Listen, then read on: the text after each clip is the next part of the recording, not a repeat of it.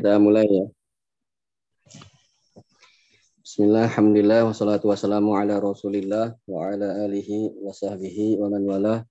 Amma ba'd, segala puji dan puji syukur terus menerus kita panjatkan kepada Allah atas nikmat Allah Subhanahu wa taala karuniakan kepada kita dan semoga kita dijadikan orang-orang yang senantiasa mensyukuri nikmat-nikmat Allah Subhanahu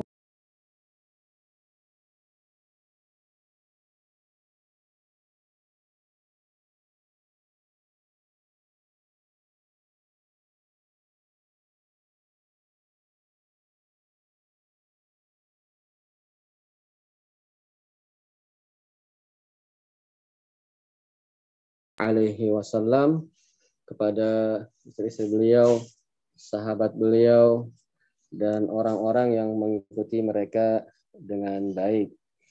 Eh, saudara-saudaraku yang dirahmati Allah Subhanahu wa taala, eh, kita kembali melanjutkan pembahasan kitab tauhid kita ya. Telah sampai eh, pembahasannya pada bab kalau dalam uh, tulisan aslinya itu tidak ada judul babnya ya. Bab langsung firman Allah Subhanahu wa taala wala in adzaqnahu rahmatan minna. kalau dalam terjemahan mungkin ada ya dari pihak penerjemah atau penerbit membuat judul babnya. Ya, mungkin yang ada yang menuliskan jum, apa babnya judulnya adalah dengan mensyukuri nikmat Allah Subhanahu wa taala. Tapi kalau dalam tulisan uh, bahasa Arabnya dalam kitab langsungnya itu tidak diberi judul oleh penulis rahimahullah taala tapi memang kita bisa ketahui bab ini berbicara tentang mensyukuri nikmat Allah Subhanahu wa taala. Itu sudah disampaikan di awal bahwasanya nikmat Allah Subhanahu wa taala itu begitu besar, begitu banyak kepada kita sejak kita masih di rahim ibu kita, ketika kita masih kecil dan sampai saat ini detik ini kita terus menerus dicurahi oleh nikmat-nikmat Allah Subhanahu wa taala. Nikmat sehat, kemudian nikmat yang paling tinggi nikmat iman, nikmat dijadikan oleh Allah eh, orang-orang yang mengucapkan la ilaha illallah ini nikmat yang paling agung. Karenanya Fudail bin Iyad mengatakan rahimahullahu taala an'amallahu ala 'abdin minal ibad ni'matan a'zama min arrafahum la ilaha illallah. Tidak ada nikmat yang Allah karuniakan kepada salah seorang dari hamba-hambanya melebihi nikmat Allah kenalkan dia dengan la ilaha illallah. Oleh karena itu, berbahagialah orang-orang yang mengucapkan la ilaha illallah bagaimanapun kondisinya walaupun dia bukan orang yang berada, orang yang secara ekonominya sulit, maka tatkala dia adalah termasuk orang-orang yang mengucapkan la ilaha illallah, dia adalah orang yang paling beruntung dan diberikan oleh Allah Subhanahu wa taala nikmat yang paling besar ya yang pernah diberikan kepada seorang hamba. Ketika seorang itu sakit misalnya kondisinya sesakit apa pun ketika dia termasuk orang-orang yang mengucapkan la ilaha illallah maka sungguh beruntung orang tersebut. Ya Allah jadikan di antara orang-orang yang hanya menunjukkan ibadahnya kepada Allah Subhanahu wa taala saja. Nah, nikmat Allah itu sangat banyak. Lalu lalang di hadapan kita, terus menerus ya Allah mencurahkan nikmatnya, tapi sering kali ya dan disayangkan manusia itu tidak atau kurang mensyukuri nikmat Allah itu atau bahkan tidak mengakui nikmat itu diberikan oleh Allah Subhanahu wa taala. Itu yang tragis ya. Padahal Allah Subhanahu wa taala mudahkan dia rezekinya, mudahkan dia usahanya, sehatkan eh, tubuhnya.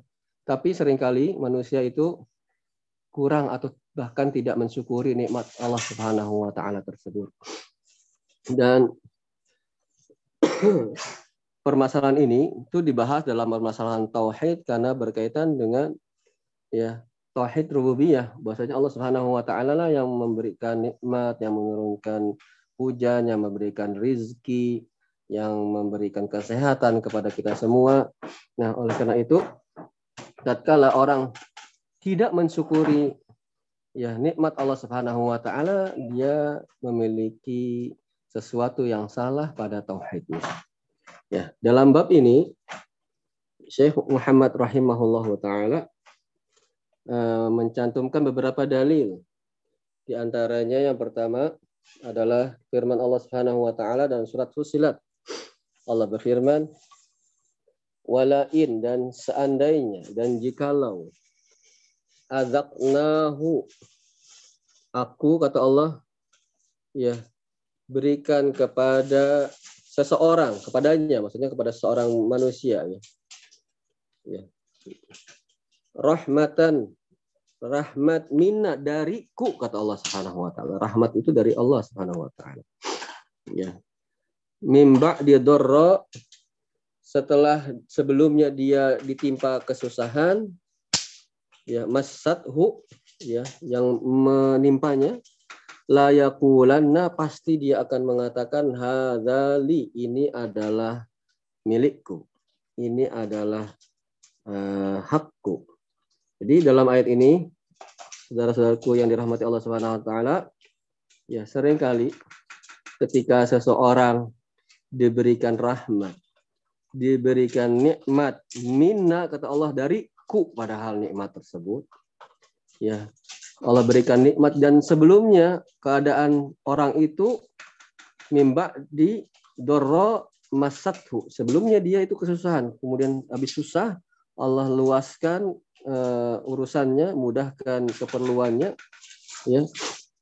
Setelah itu bukannya malah dia bersyukur kepada Allah Subhanahu wa taala, Allah berikan nikmat, Allah berikan rahmat pada sebelumnya susah, tapi dia malah mengatakan layakulanna hadzali. Ya. Ini adalah hakku, ini adalah milikku. Saya mendapatkan ini karena saya. Nah, ini tragis ya ya masya Allah ada orang yang atau mungkin banyak kondisinya orang-orang yang seperti itu sebelumnya susah eh tiba-tiba Allah berikan kemudahan pada dirinya setelah datangnya kemudahan bukan dia mensyukuri kemudahan itu datang dari Allah tapi bilangnya malah ini ya hakku ini milikku saya bisa begini karena saya begitu ya oleh karena itu Ikhwan Illa rahimani wa rahmullah. Ya. Maka bagi seseorang tatkala diberi nikmat ya, oleh Allah Subhanahu wa taala maka seharusnya atau kemudahan yang dia terima oleh dari Allah Subhanahu wa taala maka dia pertama kali menyandarkannya kepada Allah Subhanahu wa taala. Itu kan rahmat, itu kan nikmat dari Allah, minna kata Allah. Tapi dia malah, malah mengatakan hadali, ini karena saya, ini milik saya, memang uh, apa saya berhak mendapatkan ini dan seterusnya. Nah, kemudian ayat ini, ikhwanifillah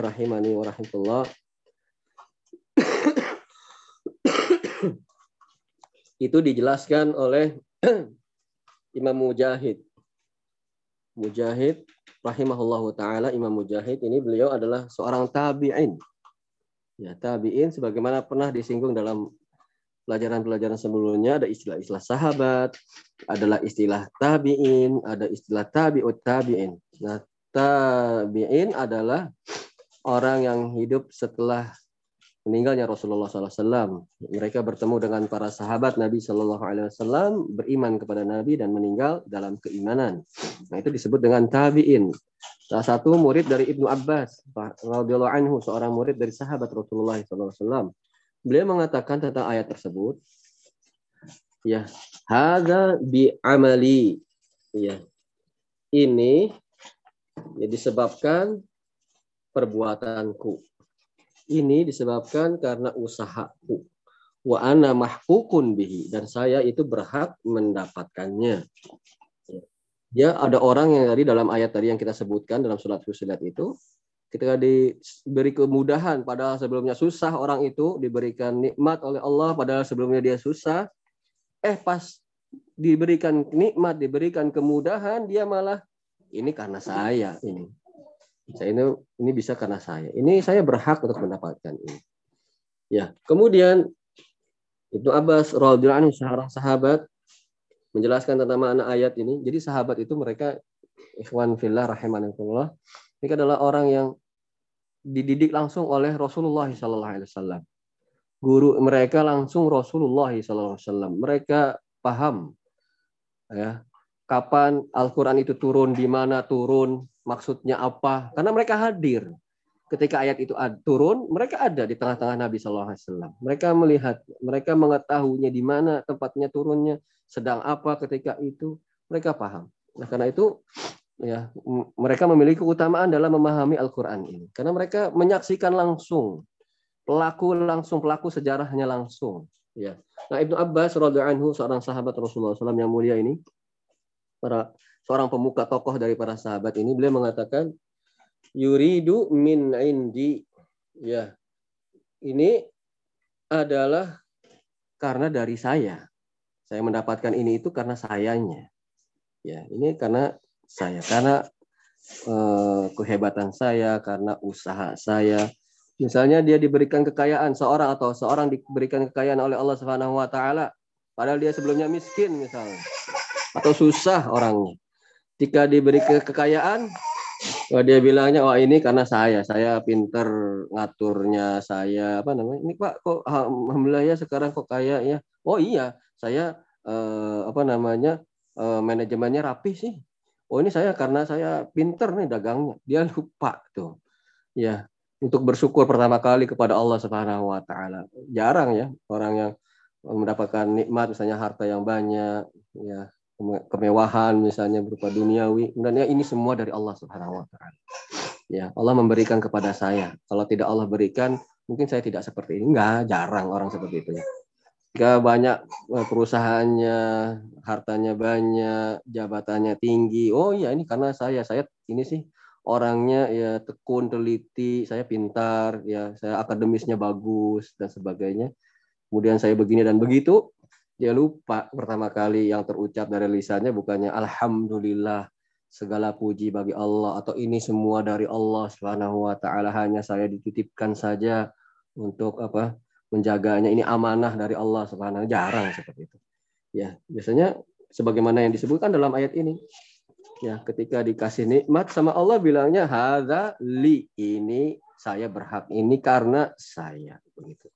Nauzubillahi min. Semoga Allah Subhanahu wa taala menjadikan kita orang-orang yang tatkala diberi nikmat sekecil apa pun nikmat tersebut kita mensyukurinya, menyandarkannya kepada Allah Subhanahu wa taala. Tidak meremehkan nikmat itu atau merasa memang sayanya yang ini karena saya nggak ada faktor apa ya ini faktornya karena saya saja murni dari saya saya begini dan begitu nah ini eh, sangat berbahaya bagi keimanan seseorang. Dia lalai dari mengingat Allah Subhanahu wa taala. Kalau sering terus-menerus pada dirinya terjadi hal ini maka bukan suatu yang mustahil.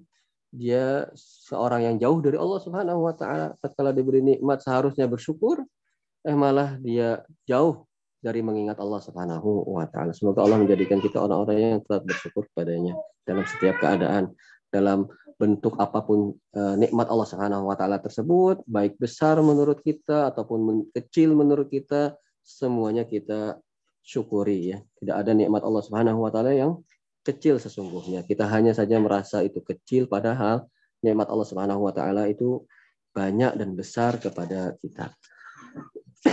Kemudian dalil yang lain yang menunjukkan bahwasanya sering kali manusia itu kalau diberikan nikmat oleh Allah ya dia itu tidak mensyukurinya atau kurang mensyukurinya atau malah menyandarkan nikmat itu bukan kepada Allah Subhanahu wa taala sang pemberi hakiki dari nikmat tersebut diberi harta, diberi kekayaan, diberi kedudukan, diberi status sosial, dan diberi segala macam, dia lupa kepada sang pemberi hakiki dari nikmat yang ada pada dirinya. Nah, dalilnya yang lain ya adalah firman Allah Subhanahu wa taala ya dalam surat Al-Qasas ya.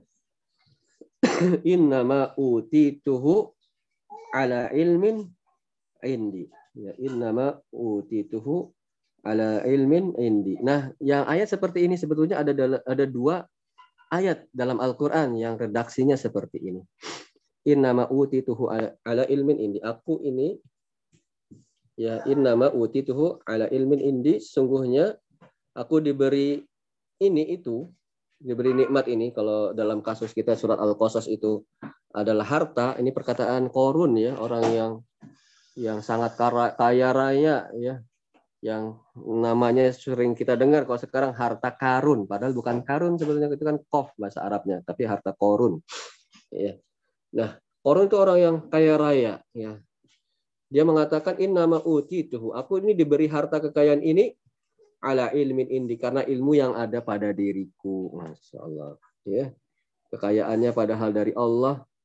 Ya, ya. Karena orangnya jauh dari Allah Subhanahu wa taala tentu saja langsung yang terbetik dalam benaknya pertama kali ya karena saya.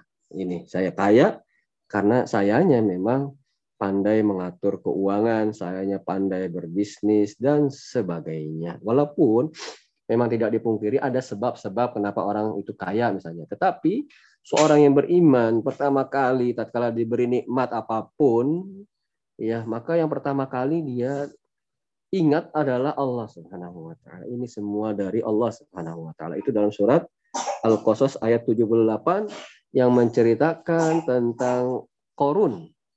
Ya, ya orang yang kaya tatkala diberi kekayaan oleh Allah Subhanahu wa taala pada dirinya sebagai ujian ternyata dia tidak mengakuinya dari Allah Subhanahu wa taala tetapi menyatakan bahwasanya harta itu karena dirinya lah yang yang hebat, yang pintar dan seterusnya. Kemudian ayat yang seperti ini pula ada kita temukan dalam surat Az-Zumar ayat 49. Ya innama utituhu ala ilmin cuman tidak ada indinya. Innama utituhu ala ilmin. Ya. Kata Allah bal hiya fitnah Sungguhnya aku diberi ini karena, ilmu yang ada pada diriku. Kata Allah, bal hiya fitnah. Bukan, itu hanya ujian. Walakin aksaro, walakin aksarohum la ya'lamun. Tetapi banyakkan mereka itu tidak mengetahuinya, tidak menyadarinya. Jadi harta pada yang ada pada diri seorang itu adalah ujian dari Allah Subhanahu wa taala. Apakah harta tersebut dijadikan untuk taat kepada Allah atau justru dengan harta yang dimilikinya dia bermaksiat kepada Allah Subhanahu wa. Karena harta yang ada pada diri kita itu pertama itu diberikan oleh Allah Subhanahu wa taala dan kedua akan dimintai pertanggungjawabannya nanti di akhir di akhirat kelak la tazulu qadam ibnu adam hatta yus'al al khamsin. Tidak akan bergeser kaki seorang manusia nanti di hari kiamat yaumul kiamah sampai dia ditanya tentang lima hal di antaranya an malihi tentang hartanya min aina aktasaba wa aina anfaqahu. Dari mana dia dapatkan hartanya dan ke mana dia keluarkan harta tersebut. Cara cara mendapatkannya akan dimintai pertanggungjawabannya. Dapat dari mana ini harta? Halal apa haram? Ya, dengan cara yang disyariatkan oleh Allah Subhanahu wa taala atau dengan cara yang diharamkan oleh Allah. Akan ditanya harta kita bukan seenaknya kita mempergunakan harta tersebut karena nanti akan ada pertanggungjawabannya. Kalau di dunia saja tentang keuangan itu ada LPJ-nya ya, laporan pertanggungjawabannya. Demikian pula nanti di akhirat akan dipertanyakan. Harta kita itu dari mana dapatnya. Kemudian terus digunakan untuk apa harta tersebut? Ke mana dikeluarkan harta tersebut? Akan ditanya oleh Allah Subhanahu wa taala. Jadi jangan merasa bahwasanya ada yang pada kita itu ya itu adalah karena kita kemudian terserah kita tidak yaitu semua pemberian dari Allah Subhanahu wa taala dan kita akan dimintai pertanggungjawabannya kelak nanti di akhirat oleh Allah Subhanahu wa taala. Ya. Dan harta itu yang kedua selain adalah nikmat atau pemberian dari Allah Subhanahu wa taala, dia adalah ujian dari Allah Subhanahu wa taala. Ya, selain harta begitu juga, nikmat Allah Subhanahu wa taala, posisi, kedudukan, jabatan. Ya. Dan sebagainya, amanah. Ya. Status sosial, semua itu akan ditanyakan oleh Allah Subhanahu wa taala. Semua itu dari Allah pertama dan yang kedua itu adalah ujian dari Allah Subhanahu wa taala kepada seseorang. Bisakah dia menggunakan nikmat yang Allah karuniakan kepadanya untuk taat atau tidak? Akan dimintai pertanggungjawabannya oleh Allah Subhanahu wa taala. Kemudian qala Qatadah ini pun sama tabi'in. Mujahid tabi'in Qatadah rahimahullahu taala tabi'in beliau menjelaskan tentang ayat tersebut. Tabi'in itu generasi setelah sahabat. Mereka berjumpa dengan sahabat, guru mereka sahabat. Generasi kedua terbaik yang dimiliki oleh umat ini. Ya. Qatadah mengatakan berkaitan dengan ilmu eh, dengan ayat tersebut, ala ilmin minni biwujuhil makasib. Ya, maksudnya ayat ini adalah saya dapat harta ini karena ilmu yang ada pada diri saya dan cara ya cara me, apa namanya mengusahakannya, cara mengaturnya. Ya, saya dapat ilmu ini karena saya pintar, ada ilmunya dan juga ya tentang cara bagaimana mengolah uang tersebut. Itu karena saya. Intinya karena saya begitu. Ya, bukan karena Allah katanya begitu ya. Nauzubillah. Wa qala al-akharun dan yang lain lagi mengatakan ada ilmin minallahi annilahu ahlun. Ya. Ini maksudnya ayat itu adalah karena Allah mengetahui akulah yang berhak mendapatkannya. Ya. Nah, wa hadza makna qaulih Mujahid utihu utituhu ala syarafin. Dan ini adalah makna perkataan Imam Mujahid, aku diberikannya karena kemuliaan aku. Nah, pada intinya Ikhwan wa akhwati fillah rahimani wa rahmatullah. Semua penjelasan tentang ayat ini itu berkisar tentang pertama mengingkari bahwasanya nikmat tersebut sejatinya adalah karunia dari Allah Subhanahu wa taala. Ya, tafsiran-tafsiran tadi yang kita sebutkan itu pertama intinya bahwasanya ya mengingkari nikmat atau pemberian Allah itu datang karena dari Allah Subhanahu wa taala. Dia menyandarkannya kepada selain Allah Subhanahu wa taala. Kemudian ya yang kedua eh, tafsiran-tafsiran tadi kita sebutkan bahwasanya ada pengingkaran terhadap bahwasanya Allah Subhanahu wa taala lah yang memberikannya kepada kita. Dia merasa ya ini memang dari Allah, cuman karena sayanya itu berhak mendapatkan ini. Ya, dia merasa takabur merasa sombong. Iya betul ya. Atau ada yang mengakui ini dari Allah, cuman karena sayanya nih. Ya, saya memang berhak mendapatkan ini, gitu. Bukan karena karunia dari Allah kepada diri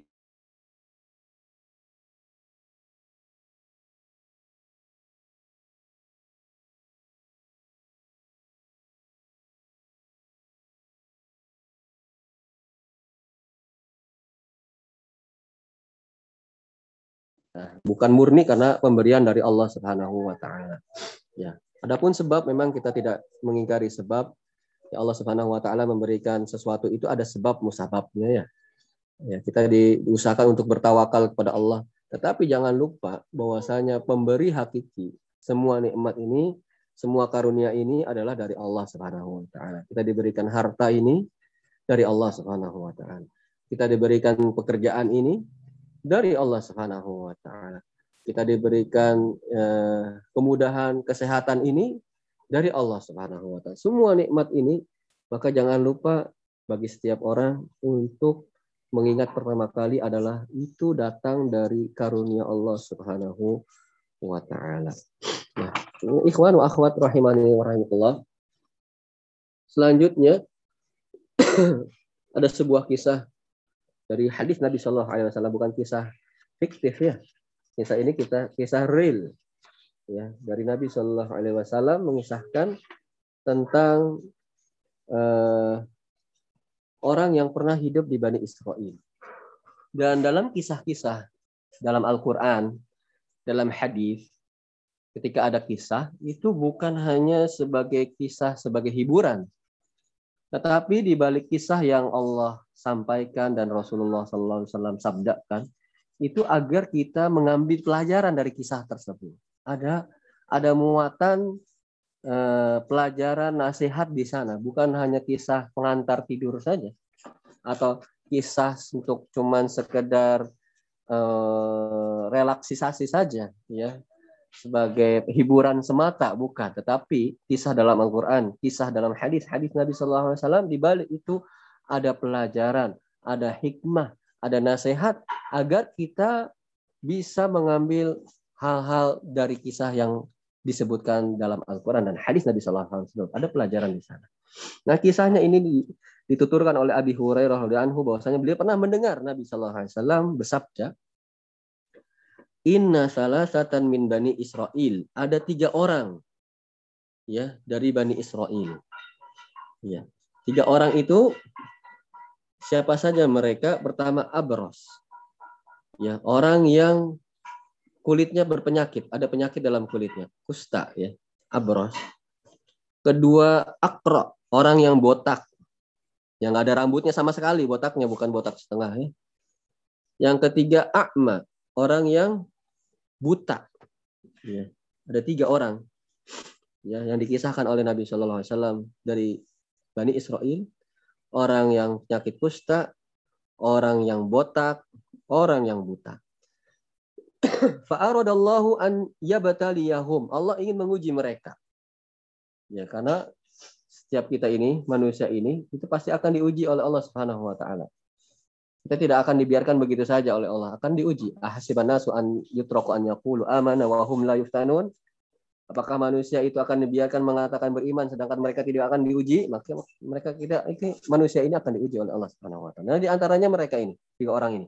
Di zamannya Bani Israel yang diuji oleh Allah Subhanahu wa taala tentang nikmat yang diberikan kepada mereka.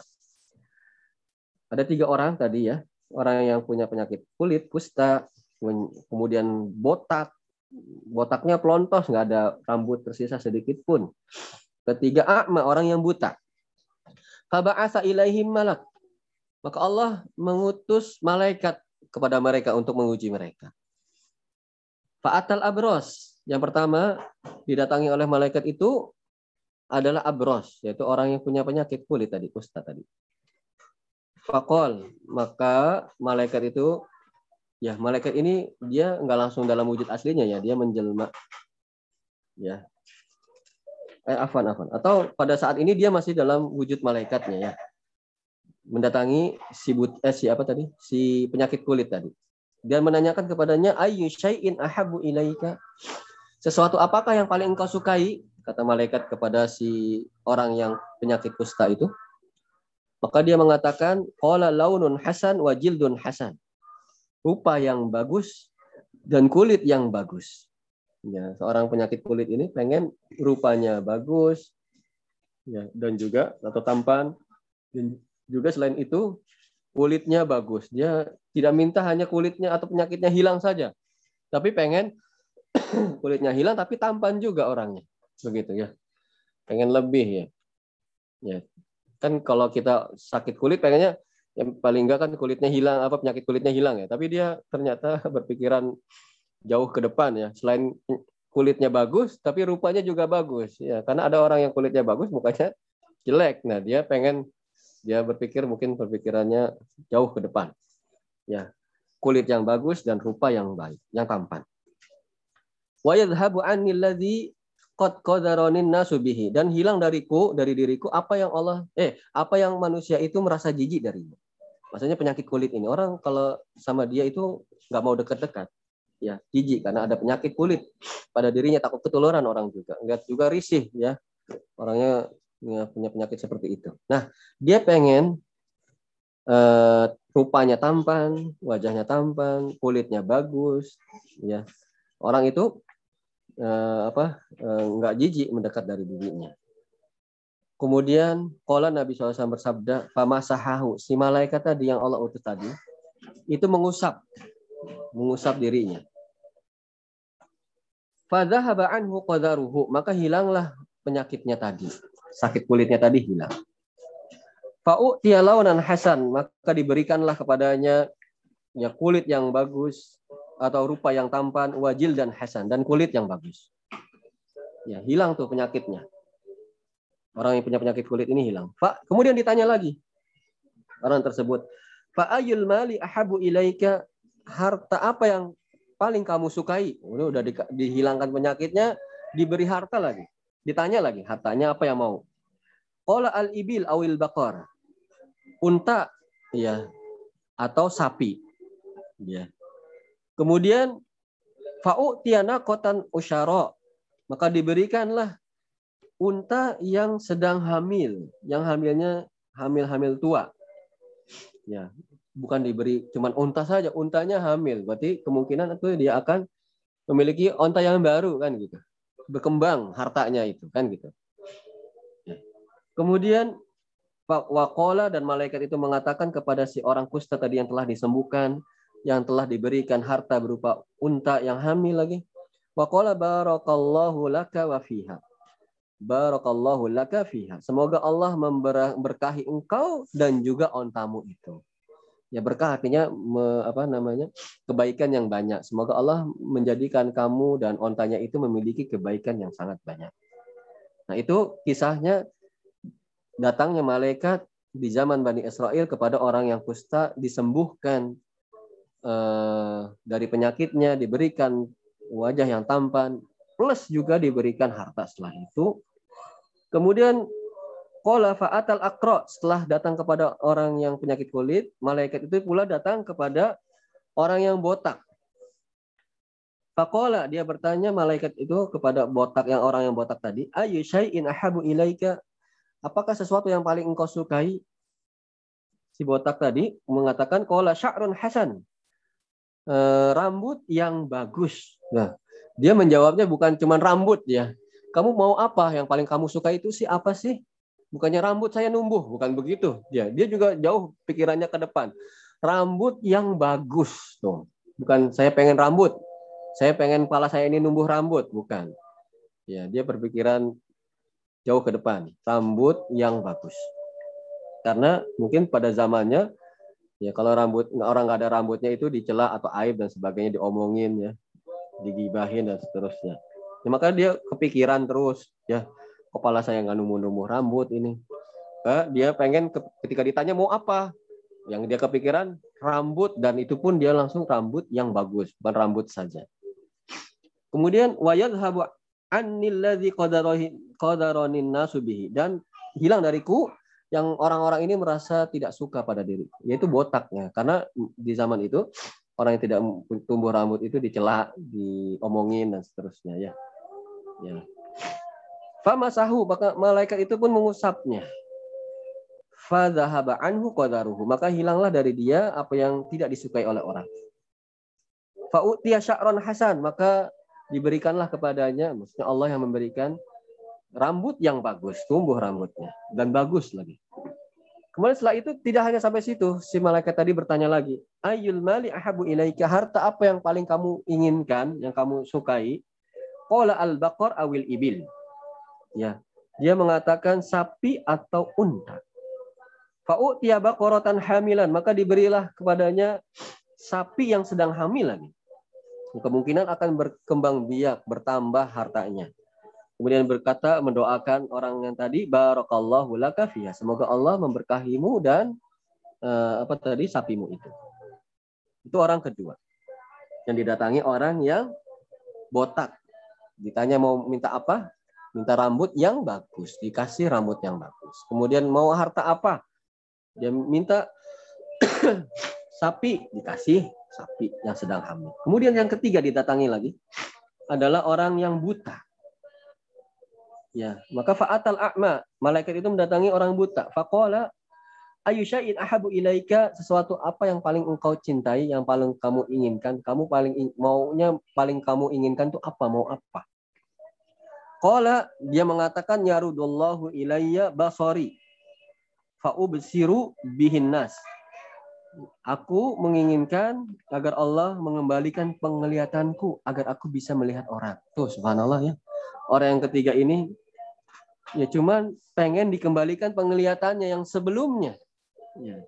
Tidak meminta aku menginginkan penglihatan yang bagus, tidak dia. Dia cuma minta kepada Allah eh, meminta melalui malaikat ini ya ketika ditanya mau apa? Ya saya dikembalikan lagi penglihatan saya. Artinya di, dikembalikan penglihatan saya seperti sebelumnya. Ya kalau sebelumnya kurang bagus ya itu yang dia minta. Yang penting dia bisa melihat kau bisa rubihin nas aku bisa melihat orang. Ya.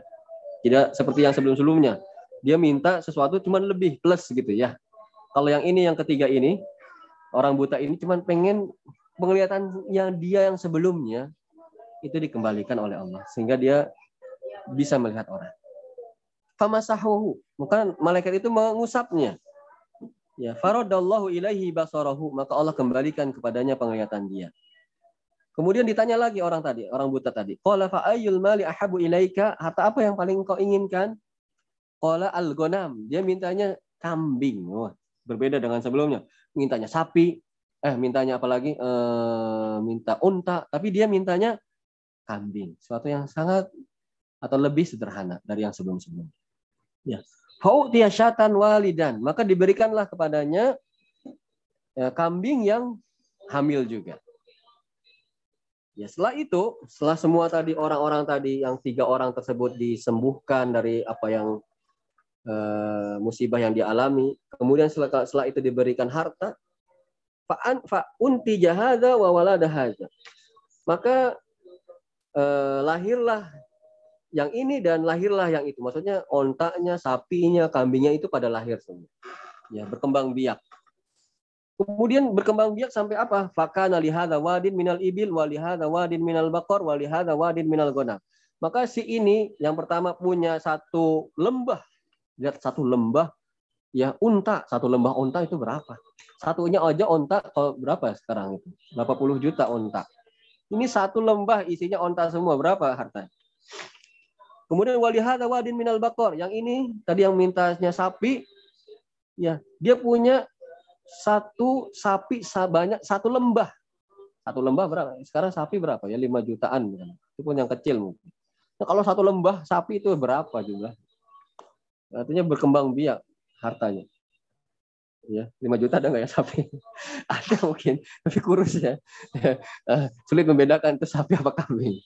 Ya taruhlah yang bagusnya sedangnya berapa puluh juta lah gitu. Itu satu lembah bukan satu kandang, bukan satu kabupaten, eh, mungkin satu kabupaten ya, satu lembah. Gitu. Walihada wadin minal gonam. Dan si ini yang terakhir si buta itu punya punya satu lembah apa? Kambing ya. Kambing taruhlah 3 jutaan, 4 juta lah. Satu lembah berapa? Artinya hartanya berkembang. Ya. Setelah disembuhkan dari musibahnya, diberi harta dan hartanya berkembang. Qala kemudian Nabi SAW melanjutkan ceritanya.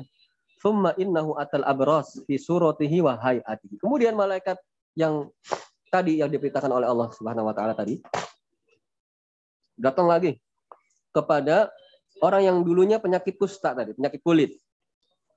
Datang kepada orang ini pada bentuk atau dalam rupa orang itu ketika sakitnya. Ya, penyakit kulit. Dia jadi malaikat itu mendatangi orang yang dulunya sakit kusta, menyerupai dia keadaannya yaitu sakit pula sakit kusta. Sakit kulit. Ya, fakola maka malaikat yang menjelma tadi, orang yang berpenyakit kulit tadi, dia bilang rojulun miskin wabnus sabil. Saya ini orang yang miskin, orang yang dalam perjalanan. Kodin kotoat bi bial hibalu fi safari. Saya itu kehabisan bekal di perjalanan saya. Dia datang dalam keadaan sakit berpenyakit kulit, dia bilang saya miskin, saya lagi sedang dalam perjalanan, saya kehabisan bekal dalam perjalanannya. Ketika perjalanan waktu itu kan perjalanannya ya bisa jangan berjalan kaki, ya bisa dengan unta, tapi melewati daerah-daerah yang yang tidak ada penghuninya kan? Yang sulit meminta bantuan kan? Dia meminta bantuan.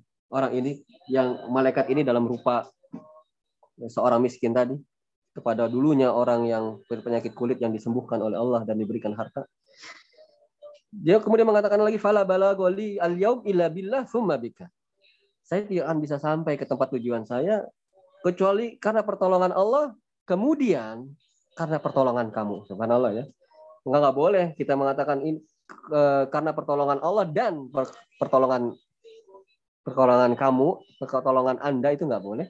Tapi yang boleh kemudian.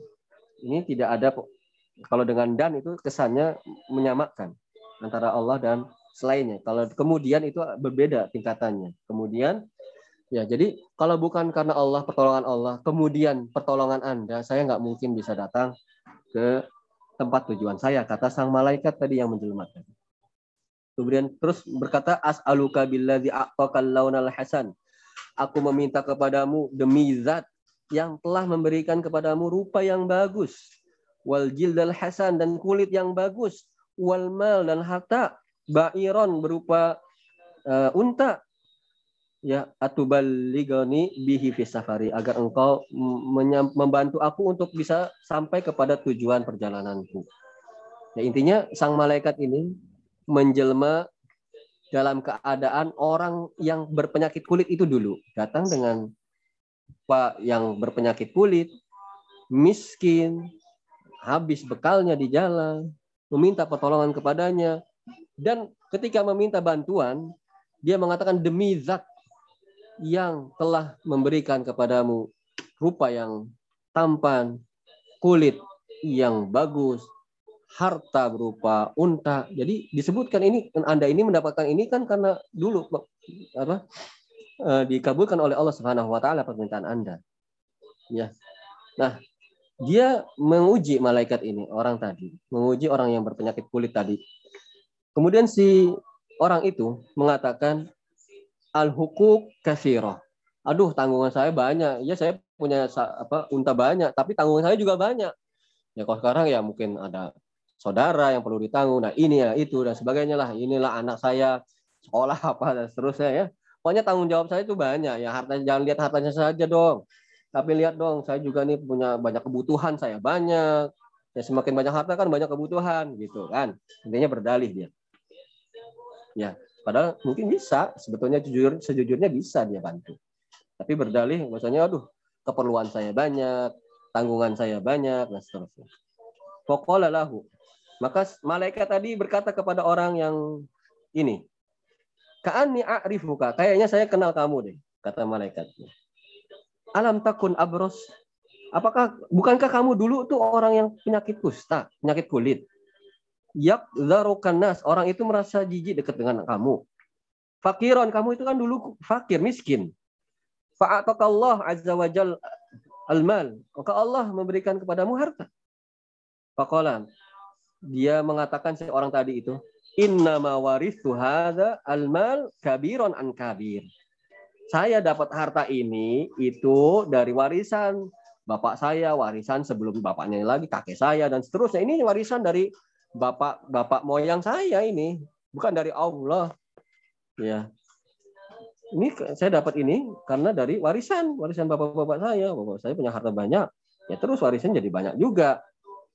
Fakol, maka malaikat tadi yang menyerupai orang berpenyakit kulit mengatakan in kunta. Kalau engkau bohong faisayyarakallahu ila makunta maka semoga Allah mengembalikan engkau seperti keadaanmu semula dulu. Yaitu orang yang berpenyakit kulit orang yang miskin orang yang jijik orang dekat-dekat dengan dia dan seterusnya. Ya. Qala kemudian setelah itu ya malaikat datang lagi wa atal suratihi. Datang kepada orang yang kedua itu orang yang botak dalam kondisi sebagaimana orang dulunya botak itu ya datangnya malaikat itu dengan keadaan botak juga kepada orang yang sekarang sudah punya rambutnya bagus dan dikasih harta oleh Allah. Maka malaikat itu berkata kepada si botak ini seperti yang dia katakan kepada orang yang berpenyakit kulit sebelumnya. Waradda alaihi mithla ma waradda alaihi. Maka dia menjawab juga si botak ini seperti yang dijawab oleh si penyakit kusta itu. Ya, ya tanggung saya saya banyak, tanggungannya, bebannya saya banyak, kebutuhan saya banyak. Iya. Terus saya dapat ini tuh harta saya ini. Itu ya dari bapak-bapak saya, dari bapak saya, dari kakek saya. Maka malaikat tadi mengatakan in kunta. Kalau engkau dusta, fasayyarakallahu ila makun. Kalau kamu dusta, kamu bohong, semoga Allah mengembalikanmu seperti keadaanmu semula, kata malaikat tadi. Kemudian datang kepada orang yang ketiga yaitu orang yang buta. Wa tal a'ma fi suratihi datang kepada orang buta yang dulunya buta maksudnya.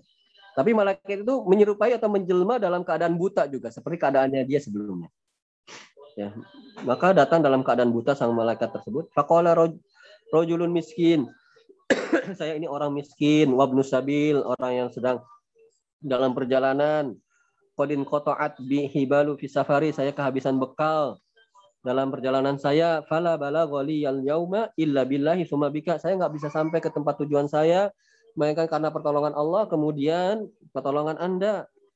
As'aluka billadzi radda alaikal basaraka. Saya meminta demi zat yang telah mengembalikan penglihatanmu. Syatan dan juga telah memberikan kepadamu uh, kambing. Atuballigu atuballagu biha fi safari. Engkau membantu saya untuk menyampaikan saya ke tempat tujuan saya. Qala, maka si buta tadi mengatakan, "Qad kuntu a'ma." Iya, betul. Saya dulu buta memang. Faradallahu alayya basari. Allah mengembalikan kepada saya penglihatan saya. Fakhud masyikta. Ambil. Nih, harta saya yang kamu inginkan ambil. Butuh berapa? Butuh sekian, ambil sekian. Supaya untuk bekal kamu dalam perjalanan. Wallahi demi Allah. La, aj, la ajhadu kal yauma bi syai'in akhadtahu lillah.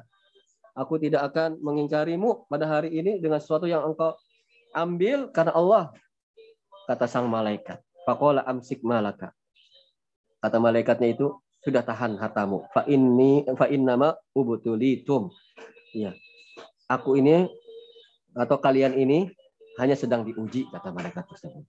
Ya, orang yang ketiga orang yang buta ini masya Allah berbeda dengan dua orang sebelumnya. Diakui nikmat Allah Subhanahu Wa Taala. Iya dulu betul saya ini orang buta. Kemudian betul Allah Subhanahu wa taala mengembalikan penglihatan saya. Ya udah, ini harta saya ini betul dari Allah. Kalau kamu butuh ini ambillah. Butuh berapa? Ambil yang kamu butuhkan. Ambil. Tanya. Tapi sang malaikat tadi menjawab, kalian ini sedang diuji. Enggak, saya enggak butuh itu. Kalian sedang diuji. Faqad radallahu anka. Allah telah ridho kepadamu wasakhitu ala sahibaika dan Allah itu murka kepada dua orang temanmu yang sebelumnya. Jadi Ikhwanifillah rahimani wa Ketika seorang mendapatkan nikmat, ya sering kali orang itu lupa. Ya. Lupa kepada sang pemberi nikmat. Atau lupa orang-orang yang mungkin senasib dengan penderitaannya dengan dirinya. Orang yang miskin, orang yang butuh bantuan. Ya, tatkala dia diberikan nikmat, keluasan rizki, keluasan keperluan, urusannya mudah, maka dia lupa dia lupa sang pemberi nikmat tersebut, dia lupa orang-orang yang semisalnya yang membutuhkan bantuan juga sepertinya. Oleh karena itu, ikhwani fillah rahimani wa Ya, maka penting tatkala kita diberi nikmat apa pun nikmat tersebut besar ke kecil ke ya kita mensyukuri nikmat Allah Subhanahu wa taala tersebut dan mengakui bahwasanya nikmat itu pertama kali yang terbesit dalam benak kita adalah dari Allah Subhanahu wa taala. Harta ini harta dari Allah sehat ini dari Allah, pangkat ini dari Allah. Ya, kita syukuri nikmat tersebut dengan menggunakannya, menggunakan nikmat tersebut untuk taat dalam untuk tetap taat dalam ketaatan dalam Allah Subhanahu wa taala kepada Allah Subhanahu wa taala. Jangan sampai kita diberikan kenikmatan justru kita bermaksiat dengan kenikmatan tersebut. Kita diberi mata yang bagus, justru kita bermaksiat kepada Allah dengan mata tersebut. Diberi uh, uang oleh Allah nikmat, justru dengan uang tersebut kita bermaksiat kepada Allah. Diberi jabatan oleh Allah Subhanahu wa taala, justru dengan jabatan itu kita bermaksiat kepada Allah Subhanahu wa taala. Kita akan dimintai semua ini tanggung jawabannya nanti di akhirat kelak. Dan penting bagi kita ikhwani fillah rahimani wa pertama kali ketika kita diberi nikmat, kita mengingat pertama kali adalah Allah Subhanahu wa taala yang memberikan nikmat ini kepada diri kita dan kita mensyukurinya dan menjadikannya sebagai bentuk ketaatan kepada Allah Subhanahu wa taala. Mungkin sampai sini yang bisa disampaikan apabila ada yang ingin disampaikan pula, ditanyakan pula, kami persilahkan. Ya. Nah, apabila kami bisa menjawab, kami jawab. Kalau kami tidak bisa, ya mohon dimaklumi atas keterbatasan ilmu yang ada pada diri kami. Tafadhol, masykurah.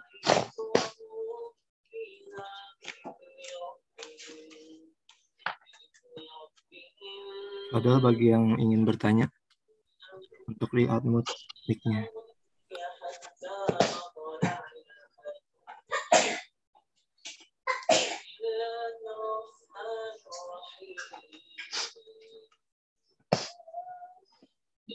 Baik, jadi eh, saudara-saudariku yang dirahmati Allah Subhanahu wa taala yang perlu kita catat adalah ketika kita diberikan nikmat maka langsung yang terpikirkan oleh kita adalah nikmat ini adalah karena dari Allah Subhanahu wa taala.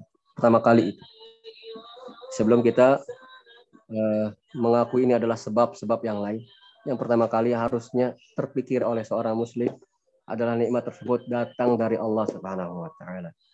Kemudian yang kedua, kita mensyukuri nikmat tersebut agar Allah Subhanahu wa taala tambahkan nikmat yang lainnya. Yang ketiga, kita gunakan nikmat yang ada pada diri kita yang diberikan oleh Allah Subhanahu wa taala ini untuk ketaatan kepada Allah Subhanahu wa taala. Ya. Baik Allah alam biswab mungkin sampai di sana semoga bermanfaat Mudah-mudahan Allah Subhanahu eh, Subhanahu wa taala menjadikan kita orang-orang yang mensyukuri nikmatnya. Baik besar ataupun kecil. Semoga Allah Subhanahu wa taala menjadikan kita orang-orang yang menjadikan nikmat tersebut sebagai bentuk ketaatan kepada Allah Subhanahu wa taala. Semoga Allah Subhanahu wa taala memudahkan semua urusan kita. Subhanakallahumma bihamdika asyhadu an la ilaha illa anta astaghfiruka wa atubu ilaik. Assalamualaikum warahmatullahi wabarakatuh. Waalaikumsalam warahmatullahi wabarakatuh.